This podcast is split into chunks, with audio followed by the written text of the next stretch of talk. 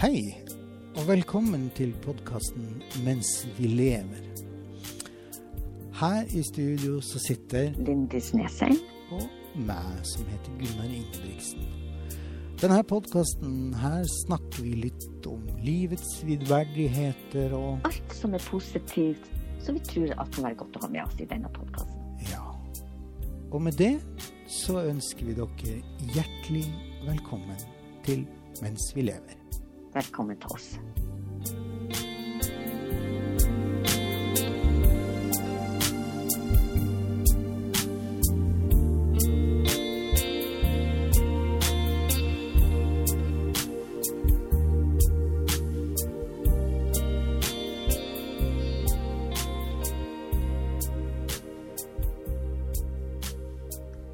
Da vil jeg ønske velkommen til vår podkast her i dag.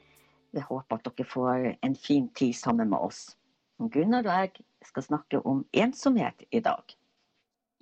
Vi skal fortelle litt om forskjellige typer av ensomhet. Hva det er som gjør at vi blir ensomme, og hva vi kan gjøre med det.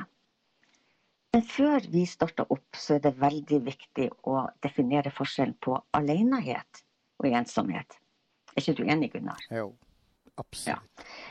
Fordi når vi er alene, så er vi i vår egen tilstedeværelse. Mm. Og det er positivt, ikke sant? Ja. Stort Ja, ja, absolutt. absolutt. Men når vi er ensomme, så savner vi, og da er vi isolerte. Da har jeg lyst til å spørre deg, Gunnar, bare for, sånn at vi får det, gjort det helt klart. Forskjellen, at vi forstår forskjellen på alenehet og ensomhet.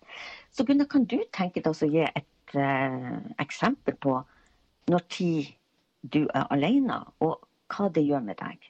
Mm. Nå bruker, bruker jeg uttrykket uh, alenehet og ensomhet.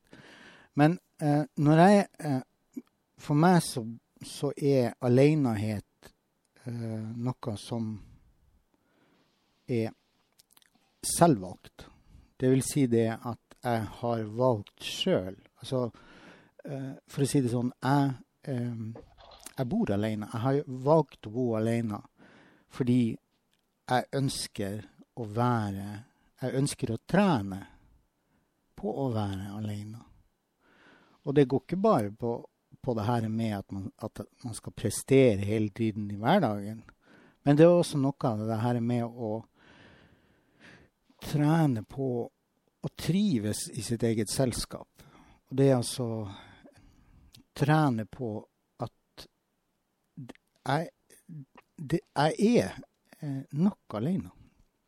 Det kan, det kan hende det at, at noen opplever det som veldig sånn egoistisk. Men jeg har, jeg har en historie. Altså min historikk eh, har vært at jeg har vært veldig mye ensom. Fordi jeg har ikke trivdes i mitt eget selskap. Og denne aleneheten har ikke vært alenehet, men den har vært ensomhet. Hva gjør det med deg nå når du er alene? Ja Det um, Hva skal jeg si For at jeg skal kunne ha en god alenehet, så har jeg gjort en del sånne Jeg har gjort en del sånne her livsdisposisjoner, som det heter. Det vil si det at jeg har et nettverk. Jeg har, I min verden så, har, så heter det hjertevenner. Jeg har noen mennesker i nettverket mitt som er em, sånn altså de slipper på en måte det de har. Eh, hvis jeg har behov for å snakke, eller hvis jeg føler meg ensom. Eh, og det er en sånn gjensidig avtale vi har, at det gjelder også den andre veien. Så bra. For utgangspunktet, når du er ensom Altså, når du står i ensomheten, så kan det være veldig vanskelig å strekke ut en hånd og så si Hei, um, jeg har eh, behov for å prate med noen. Og det, om det er typisk mannfolk, eller Det vet jeg ikke, men, men i hvert fall så, så har det for meg blitt sånn at, at jeg har laga noen sånne hva jeg skal si, sånne avtaler med, med bestisene mine. Mm. hvor jeg kan eh, sende dem en sånn trist emoji. Og får dem en sånn en fra meg, så vet de det at eh, OK, nå er det ikke så bra stilt med han Gunnar. Mm. Så da ringer han. Eller jeg sender en melding og sier at jeg er opptatt akkurat nå, men jeg ringer dem om en time eller to, eller whatever. Det var jo egentlig en veldig god idé. sånn at en trist emoji, det er, da er du ensom. Mens en eh, smilefjes, da er du gjerne alene og har det bra. Og, og de som kjenner meg veldig godt, de, de vet også det at jeg sender aldri trist emoji. Men når jeg gjør det, til de som på en måte har det sånn, så, så vet de at da, det, er min, det er mitt signal på at eh, jeg sitter egentlig med hodet under pleddet og er lei meg. Og så har vi det sånn den andre veien òg. Ja. Får jeg en trist emoji og ikke noe mer, for det er litt sånn clouet hos oss, da, det er det at jeg sender et sånt, et sånt sånn lei meg-fjes på, på melding, og ikke noe mer. Ikke, noe, ikke noe ekstra tekst, bare det. For da vet de det at Mm. eh, da Behov for å prate. Jeg syns det var en veldig god idé, og det, det, vil jo jeg eh, oppfordre mange andre til å gjøre akkurat det samme. Ja, for det som, er, det som jeg har opplevd i mitt liv, det er det at den terskelen for å ta den telefonen og ringe til, ved, til, til de man har lyst til å snakke med, og kanskje risikere å få, ikke få svar, eller kanskje risikere å få høre det at vet du hva, det går ikke akkurat nå. Akkurat der jeg er når jeg er så lei meg, så kan det være litt vanskelig å håndtere. Ikke sant? Ja. Og, og det er jo ofte sånn det at, at når, når man er i en situasjon hvor man er veldig lei seg, eller man føler seg veldig ensom, eller ikke har det bra, så koster det litt grann å få eh, enten ikke få svar, ja. Eller, eller få høre at vet du hva, det passer ikke akkurat nå. For den har jeg fått høre så mange ganger. Ja, riktig. Og da kommer avvisning inn i bildet. Helt riktig. Og avvisningen ligger jo Altså det der frykten for å ikke bli sett, frykten for å ikke bli hørt, Ja. eh, frykten for å bli avvist, den ligger jo veldig mye i det her begrepet ensomhet. Du blir, når du er ensom, så blir du eh, sårbar. Er det det du sier? Ja, det Altså, hvis du eh, skjærer den ned i beinet, så er jo det Så er det jo det at da er jeg veldig sårbar. Og eh, syns det er vanskelig og Kan være vanskelig å håndtere eh, litt eh, Altså det å bli avvist. Mm. Ja. Jeg syns det er et veldig godt eh, eksempel, det, det du har gitt. Og jeg tror nå at eh, lytterne nå har forstått den store forskjellen på det å være alene og det å være ensom. Mm. Um, når man er ensom, uh, så har man helt andre følelser, sånn som du sier nå. Og jeg tenker også, du er ensom når du føler deg sårbar. I hvilke andre settinger kan man være ensom? Ja, jeg, jeg tror jo det at, at ensomheten kommer jo av mangelen på ikke å bli akseptert, ikke bli sett, ikke bli hørt. Og, og vi kan være ensomme når vi er alene fordi at vi savner noen å være i lag med. Vi savner noen som på en måte kan ta den frokosten i lag med meg, eller, eller rett og slett ha noen å våkne opp med. Eller gå og legge seg med, eller gjøre ting sammen. Men så har du også en ensomhet som jeg syns kan være vel så vanskelig. Det å føle seg ensom i lag med andre.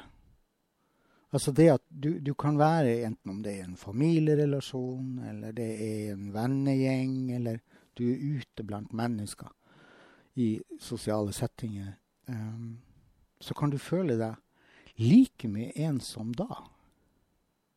Det er jeg faktisk helt enig i. For det er en av de settinger jeg måtte tenke meg om når vi skulle lage dette programmet. Hvilke setninger føler jeg meg ensom? Ja. Eh, og da kom jeg også fram til det at eh, det er veldig ofte i store eh, sammenhenger, i, hvis jeg er i et selskap eller hvor, eh, hvor jeg ikke har kjenner noen med mine verdier, gjerne. Eller noen ikke snakker til meg. Eller det, rett og slett bare en setting hvor jeg føler meg litt uh, utafor. Tilsidesatt. Og da lurer jeg litt på liksom, hva slags følelser er det da egentlig vi får? Jeg tenker jo gjerne utilstrekkelighet. Uh, men når du er i store sammenhenger og føler deg ensom, hva andre følelser får du da? Oi. Ja. Altså, det her med Det er sånn som jeg sa. Det, det, altså, se, jeg kan være i en setting Jeg kan være i lag med mennesker som um, kanskje har en, en annen, et annet, et annet, en annen interesse. Sant? Um, og hvor resten av den gjengen er veldig opptatt av akkurat det. Uh, og jeg kjenner at jeg har ingenting å bidra med.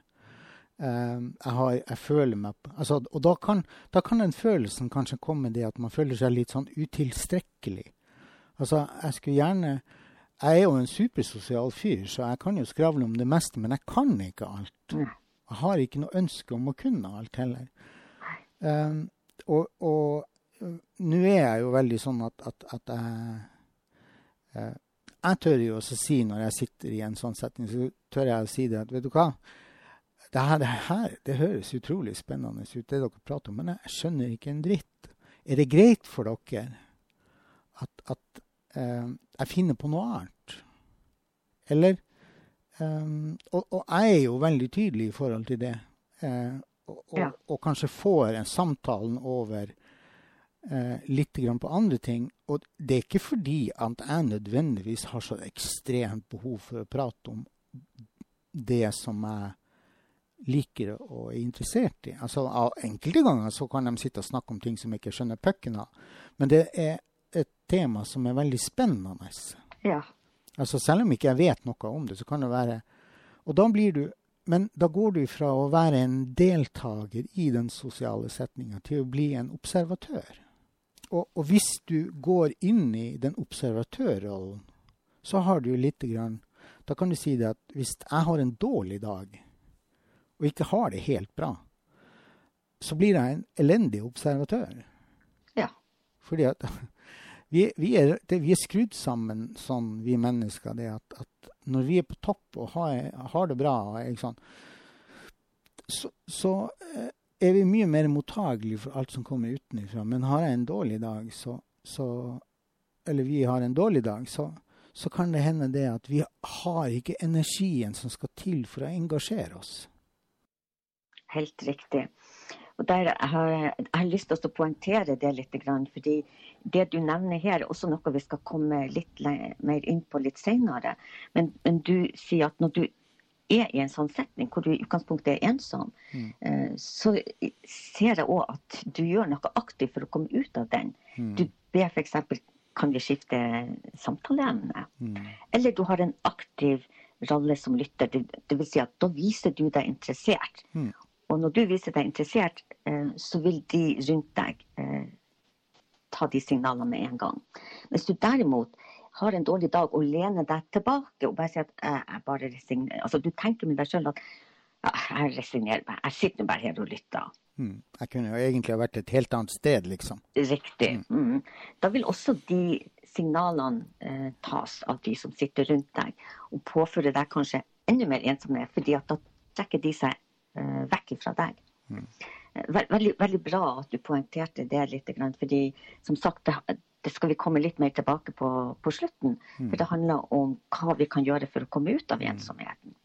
Og, og jeg, må jo, jeg, må jo, si, bare sånn avslutningsvis i forhold til det, at, at der er jo veldig mange som ikke tør å heve stem. Det er veldig mange som ikke tør å si det. at vet du hva, Nå syns jeg i utgangspunktet altså, Samtalen er spennende og interessant, den, men jeg føler meg utafor.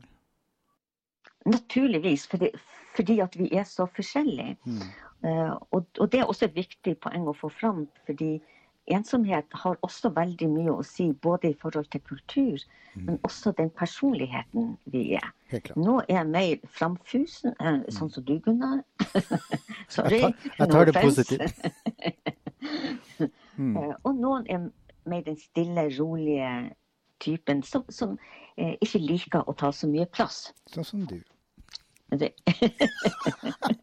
den kategorien tror jeg ikke vi er. Nei, nei da, absolutt ikke. Men, men, jeg kjenner til den, og jeg lever sammen med en som er i den kategorien. Ja, ja, ja. Og, ja, og det viser eh, hvor eh, forskjellig eh, ensomhet kan være eh, for de ulike menneskene. Mm. Og det skal vi heller ikke glemme når vi snakker litt om dette temaet. At uh, noen har ikke det samme sosiale behovet. Vi er sosiale vesener alle sammen. Mm. Og pga. den flokkmentaliteten jeg tror vi, vi har så er nedarva i oss og, og, i løpet av evolusjonen, mm. at vi har et behov for å være en del av ja. noe annet. Men i ulik grad i forhold til hvem vi er.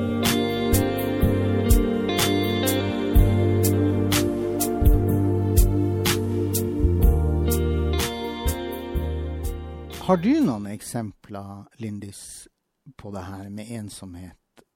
Har du noen tanker om det? Ja, absolutt. Eh, jeg tror den, den største, kraftigste følelse av ensomhet jeg har hatt, eh, det var når jeg fikk kreft. Ja. Fordi jeg, ble, jeg følte meg fryktelig alene. Og, mm. og, jeg var ikke det altså, i forhold til mennesker rundt meg. Um, hadde en god familie, gode venner som støtta meg. Um, alle gjorde det beste de kunne. Men, men det var det der uh, som, som, det, som, som Eidsvåg sier, at du må gå veien alene.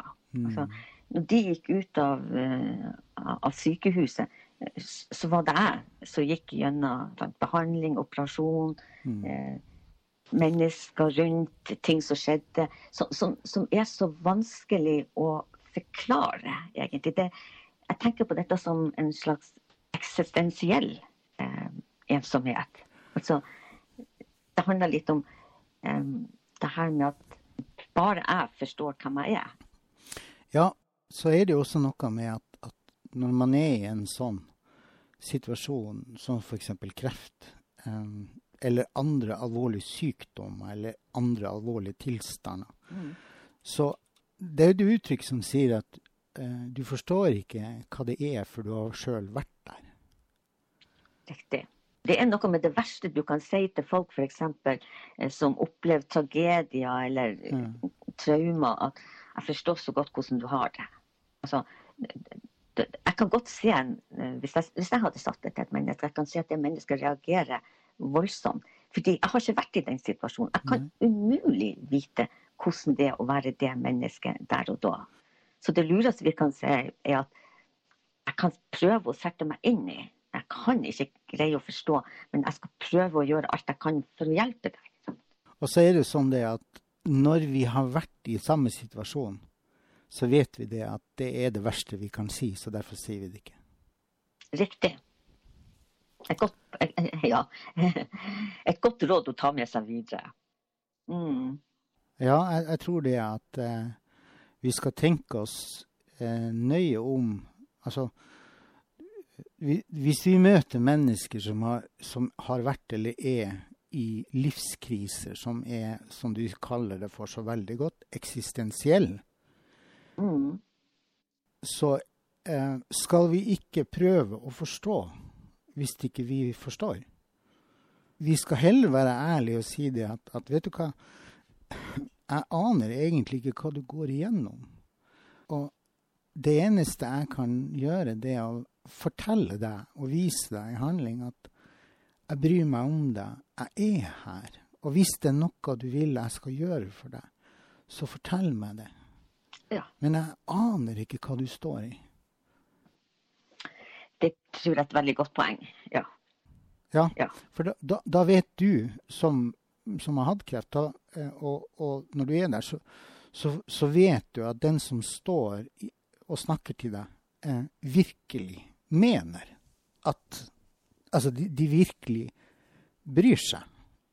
Ja. Og det samme kan jo også vi gjøre i, i forhold til mennesker som vi vet er ensomme. Og, og, og folk kan være ensomme pga. Eh, det som vi har sagt nå, altså sykdom. Mm. Vi kan være ensomme i forhold til angst. Ja. Og det som skjer f.eks. når folk har angst, Mm. um, det er jo at de søker tilbake til det trygge redet til hjemmet sitt.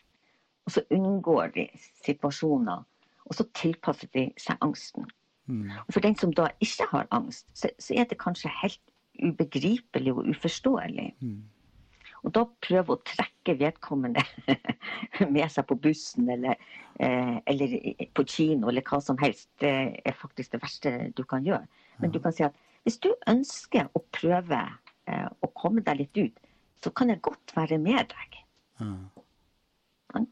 Jeg kan ikke gå veien for deg, men jeg kan gå veien i lag med deg. Ja.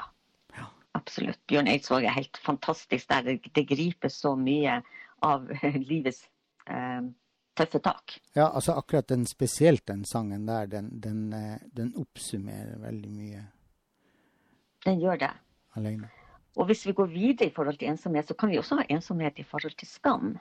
Mm. Og det vil jo si at eh, vi, vi, vi føler skam fordi at vi har angst, f.eks. Ja. Så her har du den der vonde sirkelen du kommer inn i. Og så og så er jo begrepet angst, det er jo så ekstremt vidt. Ja, det er så. Eh, det kan det kan rom, angsten kan romme så mange forskjellige falsetter. Og er så individuell. Helt klart. Ja, Så det, det tenker jeg må være et eget tema. Ja, men så tenker jeg altså det at, at hvis, hvis, du går inn, hvis du begynner å gå inn på angst og, og en del annet sånn som er relatert opp mot psykiatrien, så er det også Så det er veldig viktig å huske på at, um, det her med å søke profesjonell hjelp, selv om den kan sitte langt inne, selv om du føler, kanskje kan føle på at du Altså, nei, det, å gå til psykolog det er veldig sånn stigmatisert. Eller det å oppsøke psykiatrien er veldig stigmatisert, og det skal man i hvert fall ikke gjøre. Mm. Men innimellom, så når man, når man har det som aller, aller verst, så kan det være veldig klokt å gjøre. Og det som jeg syns er så godt med den uh, yngre generasjonen, er at den, stig, er så- altså den stigmatiseringa er ikke så kraftig hos de som den er hos oss, altså vår generasjon. Jeg vet at vi ofte gjerne er inne på min generasjon, den nye generasjonen, ikke sant. Mm. For, fordi at eh, det vi snakker om, ofte har um, skiller seg fordi at de yngre er litt mer reflekterte. De, de har en mye større åpenhet om angst, opplever jeg da. Ja. I forhold både til klienter og, og, og egne barn. Ja. Altså de, de, de har lettere terskel for å, å snakke om tøffe ting er mye eh, lavere enn den var hos oss. Ja, og jeg tror at årsaken til det er veldig mye at samfunnet er blitt mye mer åpent. Altså det er mer akseptert.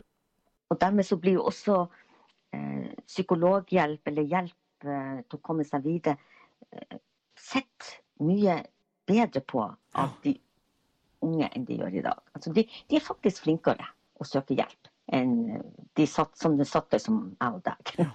Jeg husker jeg, jeg, satt, over, over, jeg satt og så på begravelsen til Ari Behn, ja, som sikkert veldig mange andre gjorde. ja, jeg gjorde òg det. Og hvor hun eh, Ja, nå står det litt stille, hun dattera til Märtha Louise. Den talen hun holdt, Ja. det er liksom å, Jeg tenker det Gudfader, tenkte jeg. Eh, hvor utrolig bra Ja. at vi har sånne rollemodeller også. Ja. For hun blir jo en rollemodell. ja. Mye pga. posisjon. Men det å kunne være så åpen, og spesielt i en sånn setting som er så vond i utgangspunktet Jeg har liksom mista pappaen sin. Og så, jeg kjenner jeg blir nesten altså Jeg får litt sånn klump i, i halsen bare å tenke på det. Ja, det er veldig rørende. Det var en utrolig viktig tale hun har, hatt, hadde, syns jeg. Og så gir det, som 55-åring, for å si det sånn, da, så gir det meg håp om fremtiden. Det gir meg håp for de som kommer etter oss, altså våre barn og, og barnebarn og alt det her. Det gir meg håp at denne åpenheten skal være med eh, å sette fokus på, på helsevern, og nå bruker jeg det som et sånt veldig vidt begrep, men det er bevisst. For det, det Og vi ser jo også det at samfunnet vårt er jo i en radikal endring. Mye pga. Av, eh, pandemien. Men, men også altså, og, og, eh, konsekvensen av pandemien, det at vi søker altså, Nå blir vi tvunget til å gå og kjenne litt på alenehet, ensomhet. Eh, viktigheten av å ha et nettverk. Eh, ikke bare for oss sjøl, men også viktigheten av å være et nettverk. Og det tenker jeg er minst like viktig. Altså sette, gjøre seg opp noen tanker om hvem er jeg for andre. Ja, og ikke minst viktig i disse tider ja. med korona og det hele, hvor vi på en måte har fått en, en pålagt mm. eh, ensomhet. Ikke sant? Eh, som vi ikke har valgt. Vi har ikke valgt den sjøl. Men allikevel eh, så fører også den til, i likhet med å være ensom i forhold til angst eller ja. skam eller sårbarhet, så fører også den til savn og isolasjon, depresjon, ja, ja. apati. Um, at du mister kontroll over hverdagen. Den følelsen mm. der er jo ikke kjekk i det hele tatt. Du, og noen blir veldig rastløs òg. Ja, mm. og oppi det hele så tenker jeg også det at Jeg har sagt det ved et par andre anledninger også, at, at det vi står i nå, er på en måte en litt sånn der blessing in disguise. Eh, og da tenker jeg eh, Altså, det, det, er fælt med de som blir smitta. Det er fælt med de som da går bort. Det er fælt for de etterlatte og alt det her. Men det gjør noe med oss som mennesker. Vi blir oppmerksom på hvor viktig det er med familie, venner. Mm. Og det, det, her med at, å ta den der lille telefonen Jeg har en mor som ikke jeg har sett på åtte måneder, f.eks. Vi snakker sammen på ja på telefon. Og hadde ikke vi kunnet gjort det, så jeg vet ikke hvor jeg hadde vært i forhold til det. Og, og søsknene mine og familien min og de som jeg er glad i, er der, f.eks. Ikke sant? Jeg, ja. Ja. Det vi gjør, altså selv om vi nå sitter og lager en podkast, så sitter vi eh, så ser hverandre ja. når vi snakker. Og det tenker jeg det at takk Gud med stor, feit rød strek under for den moderne teknologien. Ja, jeg trodde aldri jeg skulle komme dit hen at jeg skulle gjøre det, men det har jeg altså takk Gud for FaceTime og for Skype. Ja, ja. Og, ja for jeg hadde jo Ellers hadde ikke jeg hatt mulighet uh, til å se barnebarnet mitt, eller, og ikke ungene mine så ofte. Eller deg, eller mm. venninne. Altså, vi har til og med hatt uh, yatzy over Skype. Ja, ja, ja. ja, Man blir ganske desperat liksom, om å finne på kreative ting. Ja, og vi har, vi har jo uh, altså I min familie så har vi, vi har familiemedlemmer som bor i et annet land. Mm. Og uh, det å så vite at hvis jeg vil snakke med niesa mi, og har behov for å se henne face to face, selv om hun sitter nede i Spania, eller nevøen min som sitter nede i Spania, så kan jeg ringe dem på Messenger eller FaceTime. eller hva det måtte være. Ja. Og så får jeg et lite innblikk. Nå, nå er jo vår familie veldig flink til å, til å dele ja, sånn, sånne private familiegrupper på Facebook og sånn, hvor det legges ut bilder av alle sammen. Og liksom sånn at vi på den måten kan ta del i hverandres hverdag nå når vi er på en måte tvunget til solitude, som de sier i Bergen. Uh, og igjen, takk Gud for teknologien, ser jeg bare. Ja. Og jeg tenker det at for de som er ensomme i dag, eller føler på det at de, de har ikke det der, de har ikke tilgang på det her sikkerhetsnettet eller nettverket sitt, så er det noe med at vi kan, vi kan videreføre den derre eh, greia som jeg har med mine hjertevenner, som jeg kaller dem for. At jeg sender et sånt smilefjes, eller sånn trist fjes til noen. Ja. Og så kan de ringe meg. Eller så kan, så kan, man ringe de.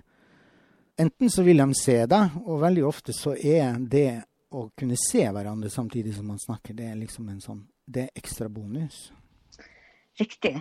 Og jeg har lyst til å si noe til i forbindelse med i forbindelse med det her med Kanskje vi kommer tilbake igjen litt til senere, det her med hva kan man gjøre for å, og så videre, og så videre. Ja, vi kommer tilbake til det. Ja, da skal Vi kommer tilbake til det. Før vi, kom, før vi kommer over på den bolken Ja. med, med hvordan vi skal komme ut av ensomheten, så har jeg bare lyst å presisere enda litt grann hvor ille det kan være eh, å, føle seg ensom, og hva det kan føre til. Mm. Og jeg vet at du, Gunnar, har en ganske sterk historie eh, angående det. Så jeg lurte på, har du lyst til å dele den med oss, eller?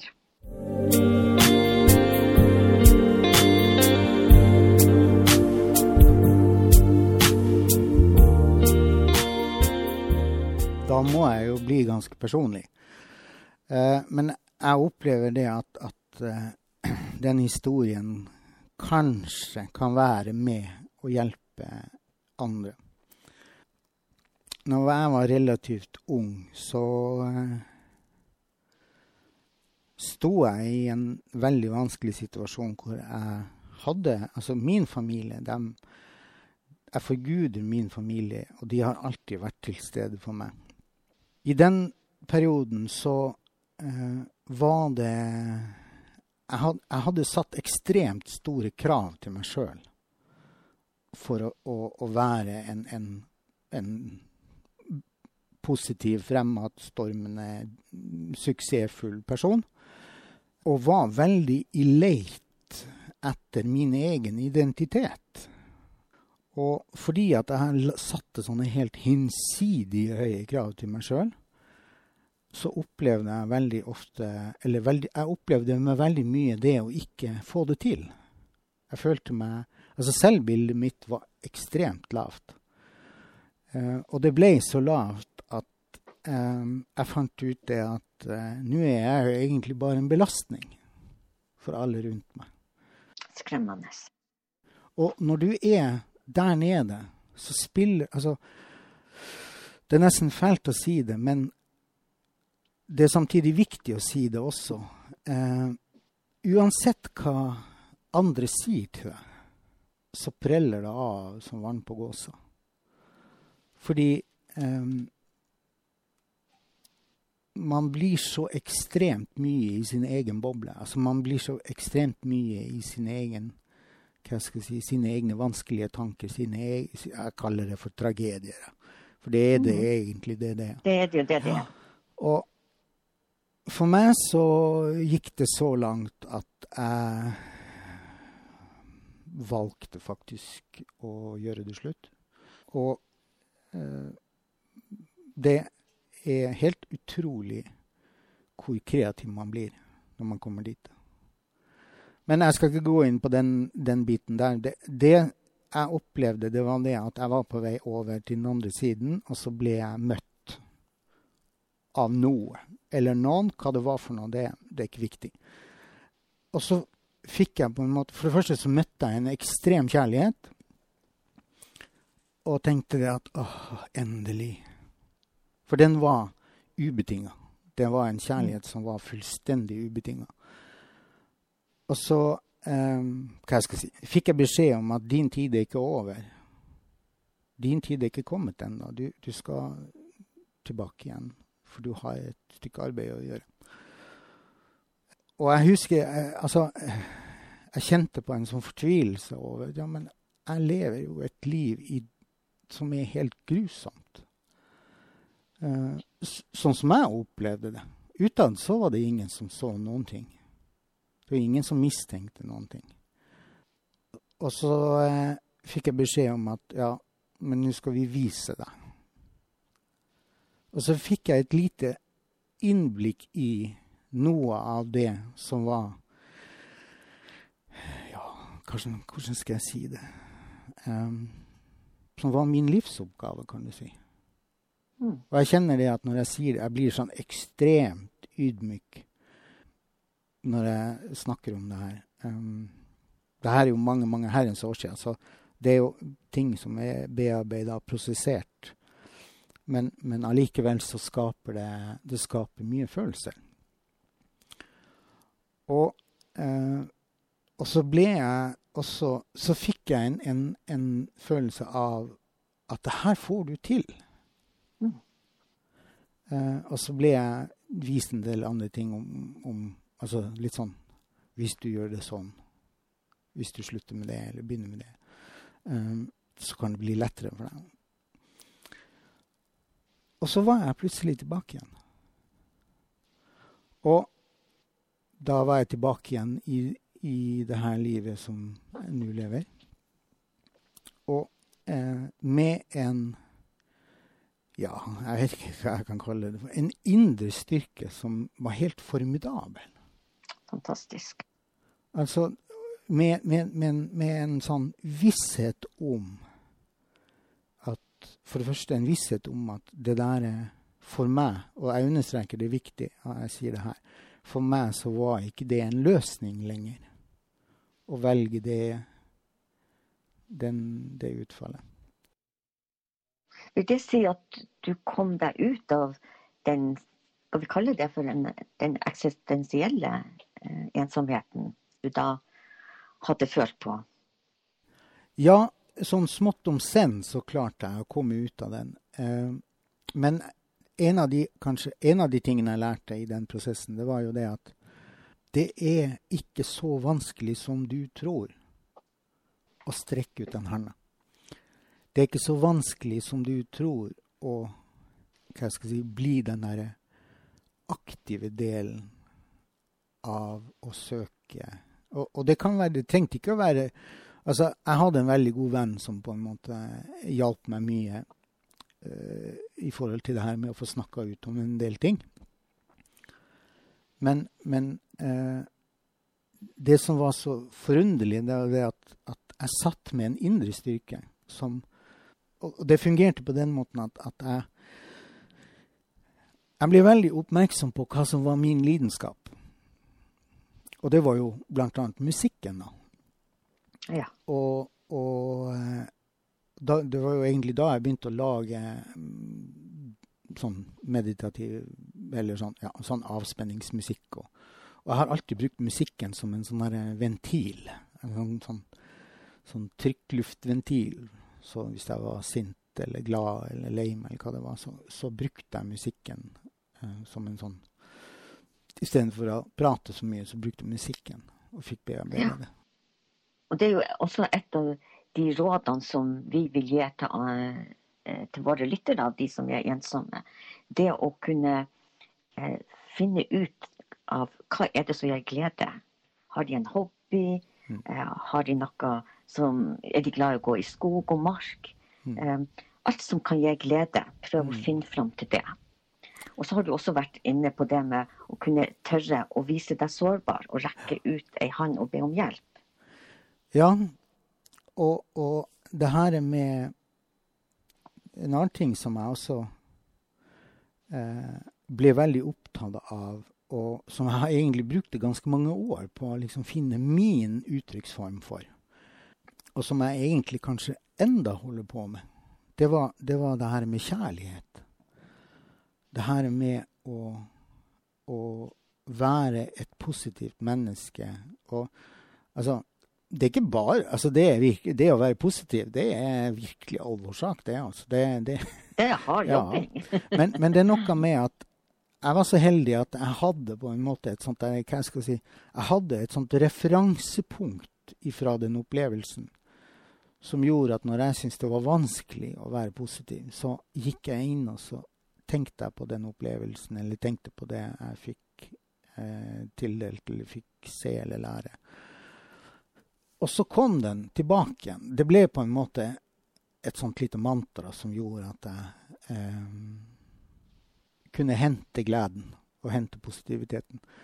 Og Eh, jeg kan sammenligne det med sånn at hvis, hvis, man er sliten og trøtt og lei seg, og sånn, så, og man er glad i å være ute i naturen Så det der er med å eh, dra ut i havet eller gå på en fjelltopp eller sette seg i skogen og bare være.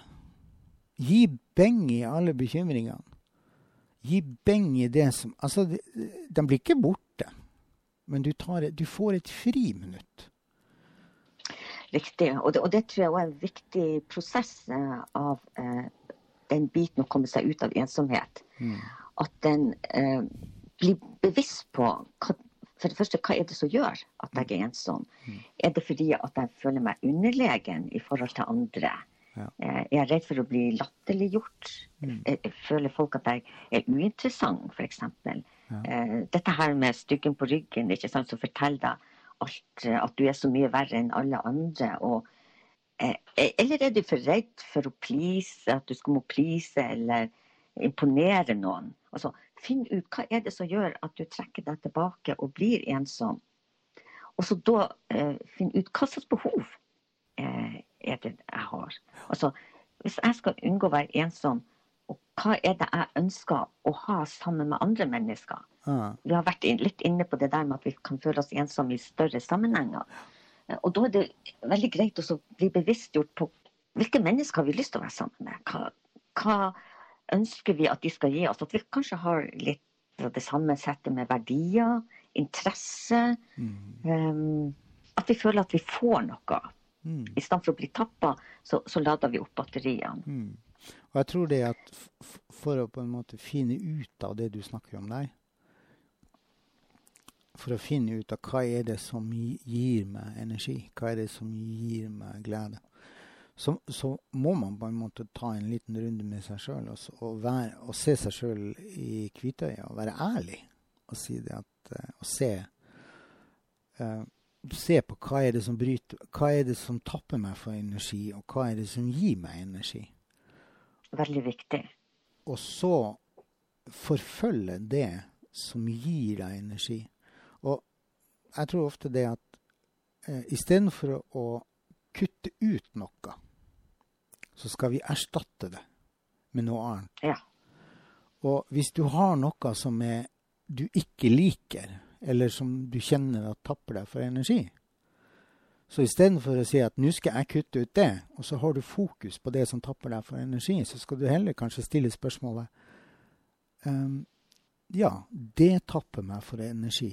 Men hvis jeg skal gjøre det, for det kan være f.eks. en interesse som du har, som du syns er egentlig veldig OK, men akkurat i den settingen så tapper deg for energi, så kan du si hm, jeg har jo lyst til å gjøre det der fortsatt, men kanskje jeg skal gjøre det på en annen måte, eller med andre mennesker. Ja. Og så blir du så opptatt av å finne en positiv erstatning for det som på en måte er negativt for deg. Og på den måten, etter hvert som du går i den prosessen, så vil det som har tappa deg for energi, det blir sakte, men sikkert erstatta av noe som er positivt. Og på den måten Altså den historien med den gamle bestefaren som fikk spørsmålet av barnebarnet sitt om i, Altså historien om de her, den svarte og den hvite ulven osv. Så, videre, så, Ja. ja, så stiller da barnebarnet eh, spørsmålet Men hvem er det som vokser?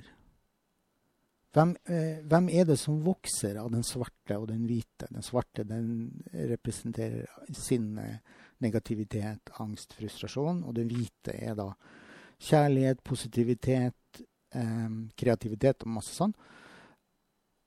Hvorpå bestefaren sier at den ulven som vokser, det er den ulven du fôrer. Ja, den du mater mest, er den som blir størst. Det vil jo også da si at hvis, vi, hvis du er ensom, eh, at du prøver å ha fokus på noe som er positivt, de tingene, finne ut av de tingene som kan få deg ut av ensomhet, og ta initiativ. Mm. Eh, eller få hjelp til å, å, å ta initiativ. Eh, og også se etter hva slags venner er det som eh, du kan gjøre ting sammen med som, som du er glad i og som opptar deg. Enten det gjelder fiske eller jakt eller hobbyer eller kurs eller Mm. dans eller you name No, it. noe som gir deg energi. Noe som gir deg energi, og hvor du er nødt til å gå ut aktivt og foreta deg noe. Mm. Hva tenker du om det? Ja da, absolutt. Og jeg tror det at, at eh, eh, Noe som vi også skal være litt oppmerksom på, det er det, altså, og det har litt grann med den her indre kritikeren som styggen på ryggen, eller hva du kaller det for, som sitter der og sier ja, men det får jeg ikke til, det får jeg ikke til. Når du er i en, altså når du er i en, en ensomhetsprosess, altså du, du, står i ensomhet og du føler altså egenverdet ditt du har, altså selvbildet ditt er ganske lavt, så skal du stille deg spørsmål altså For det første så skal du legge lista helt ned i gulvet. Fordi at for jo lavere lista du legger i forhold til det med å altså, ta tak i det sjøl, eh, jo større sjanse har du for å finne noe som gir deg eh, den her berømmelige mestringsfølelsen. Altså det, den, at du har en opp... Si at, at, at OK, eh, jeg er jo egentlig glad i å gå tur, men jeg orker ikke å gå så lang tur. Nei vel, så gå fem minutter, da. Altså. Ja. Tar du fem minutter av gangen. Ja. Det viktigste er bare at du kommer deg ut av døra. Det, det er noe med at, at du legger handling bak tanken. Ikke sant? Ja. Men, men, så er det jo vanskelig å kreere positive tanker. når man, Det kan i hvert fall være vanskelig å kreere positive tanker når man er i den i sånn Derfor så er det veldig viktig da at en søker hjelp. Enten det er psykolog, det er coach, eller mm. sånn som du sier, også med venner. Gode venner som du kan snakke med dette her om. Um, og så må du også bevisstgjøre deg hva slags katastrofetanker du egentlig har. Ja. Altså, eh, hvis, hvis, du er alene, at du har det her behovet for å beskytte deg, mm. at det er den, en grunn til at du ikke går ut, mm. så spør deg selv hva er det verste som kan skje? Ja. ja, ikke sant. Absolutt. Er det flere tips Gunnar, vi kan gi eh, til folk som føler seg ensomme? Eh, for å komme seg ut av dette? Ja, jeg er litt sånn proaktiv i forhold til sånne ting. Jeg tenker liksom hva kan man gjøre før man kommer dit? Og, og jeg tenker, noe som er viktig, tror jeg, det er å kartlegge litt grann eh, nettverket som du har rundt deg. Altså, hva slags sikkerhetsnett er det du har? Har du noen mennesker som du på en måte stoler så mye på, og som, du, som kjenner deg så godt, og som du har en, en, en følelse av elsker deg. Um, og som du, ja, som, som du, vet kan være eh, noen mennesker som kan være der for deg. Og vice versa. Mm. Det er like viktig at det går den andre veien, at du også har det ønsket om å kunne være en sånn person for den andre. Og så bare rett og slett ta en prat med dem og så si, vet du hva? Hva tenker du om? Og så finner du dine egne ord på hvordan du har lyst til å du, du, må liksom ta litt eierskap i tanken først, og så må du lage din egen greie på hvordan du formidler det. Jeg sa til mine hjertevenner eh, Jeg fortalte dem altså De kjenner jo historien min, og jeg har sagt det at innimellom så syns jeg synes det er litt vanskelig og når jeg har det vanskelig, så syns jeg det er vanskelig å ringe deg. For de sier til meg ja, men når du har det vanskelig, så, så ta nå kontakt med meg. Ring meg nå. Ja. Så, så, skal vi ta en prat. Og da sa jeg det. Ja, ja, det er jo kjempefint, det. Men når jeg er der at jeg har det vanskelig, så er den terskelen rimelig høy. Det at jeg skal ta opp en telefon og ringe deg, og så kan det hende det at ikke det passer, eller du ikke svarer, eller sånn. Jeg fikser ikke egentlig den Jeg fikser ikke akkurat der og da, så fikser jeg ikke det, den avvisninga. Men hvis vi kan gjøre det sånn, og så fortalte jeg om det her eh, triste fjeset og Hvis jeg sender deg en melding med en sånn trist fjes, um, så vet du at det betyr at nå har jeg behov for å prate med deg. Og kunne du da tenke deg å ringe meg? For det er mye lettere det, Når vi har gjort denne avtalen, så er det lettere for meg å kunne ta telefonen og være i det som er, som er, vanskelig å stå i. Fordi at da vet du. Ja. Og da blir det lettere for meg også, å sette, kanskje, kanskje sette ord på det som er vanskelig, eller bare det å få høre 'Hei, jeg, jeg skjønner du har det ikke helt bra'. Jeg syns det er en, absolutt en veldig god idé. Og, og, det som ofte skjer, i hvert fall sånn skjer det med meg, jeg må bare avslutte det. Um, det som ofte skjer da når jeg når, når eh, en av de hjertevennene ringer og sier at 'jeg skjønner at du har det ikke helt bra', hva er det for noe? så kommer gråten. Mm. Og den er så ekstremt forløsende. Jeg har vært i situasjoner hvor jeg ikke har klart å si noe i det hele tatt. Jeg har bare grått. Ja. Og så har jeg grått i ti minutter og så sagt at åh, jeg trengte egentlig bare å gråte. Godt å ha noen å gråte med. Kan ikke jeg bare eh, Hvis det er greit for deg, så, så kan ikke jeg ringe deg litt seinere, så skal jeg fortelle deg. Mm. Og så er det jo noe med det her med å Da, da er de et venn som ikke stiller spørsmål. Da er de et menneske som bare er der. 100 Stiller ikke spørsmål. Gjør ikke opp noen tanker om hvorvidt det jeg tenker på er feil eller lite eller stort problem. Produserer ikke løsninger for meg, men bare er der. Og erfaringen min er at det fungerer utrolig bra begge veier.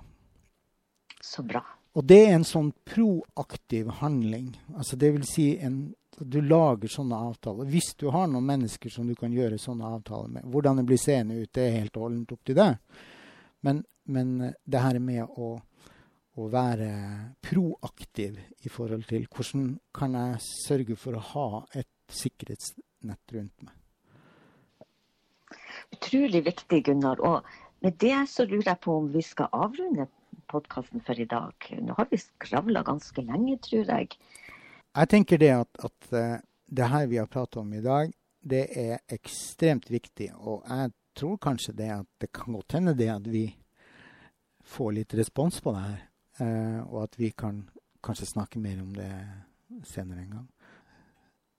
Jeg tror rett og slett at vi bare avslutter med å si eh, ha, håper du har det fint, du som sitter der ute og hører på oss. Håper at det har kommet At du har fått noen innspill, noen, noen nye tanker eh, som kan hjelpe deg. Eh, det er derfor vi er her. Og ta gjerne kontakt med oss, send oss spørsmål. Mm. Eh, gi oss tilbakemelding hvordan du syns dette innslaget var. Eh, du, føler du deg ensom, så skal du vite at du trenger ikke å være alene med det. Nei. Det er helt sikkert. Da vil jeg si som han Gunnar at vi ønsker dere alt mulig godt. Takker for at dere har vært med oss her i dag. Mm. Og ønsker dere en fortsatt veldig fin dag. Ja. Og Gunnar, din setning til slutt. Masse lys og kjærlighet. Og kjærlighet. Sender vi til dere alle. Ha det riktig bra. Ha det bra.